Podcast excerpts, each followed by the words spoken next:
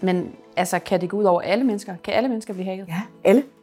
Det er en hel automatisering, der kører som random, som helt tilfældigt, jo prikker folk. Og så prøver de jo på at se, hvem, hvem bider på. Vi har sikkert alle sammen fået den der private mail med, at øh, ens moster er død i Afrika, og man har vundet halvanden million. Så, så man kan sige det her med, at, at når hackerne forsøger at komme ind, de, de fischer, de rammer alle mulige. Og de skal bare ramme rigtigt en gang, så har de bid. Hvorimod, når man sidder og arbejder med sikkerhed fra en virksomhedsperspektiv, så skal man i forsvaret ramme rigtig hver gang, for ikke at der kommer nogen ind. Og det er der, hvor man kan sige, at, at som adfærd, som medarbejder, kan du arbejde rigtig meget ind i det her med, hvis du ser en mail, der kommer fra en person, du tænker, den person plejer aldrig at få mail fra. Eller det smager rigtig meget noget Google Translate. Øhm, eller det er i forhold til, at, at, at der er nogle vedhæftede filer.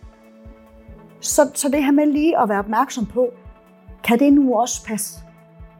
Det er bedre at, hvad kan man sige, en enkelt gang for meget at spørge om, hvad er det her for noget, end at komme til at klikke på noget, som man ikke må klikke på. Og så har jeg også selv haft nogle medarbejdere, som, hvorfor svarer du mig ikke? Jamen, det er fordi, jeg troede, det var spam, så jeg har slettet den. Det vil jeg hellere, end jeg vil have, at de kommer til at klikke på noget, som de ikke må klikke på.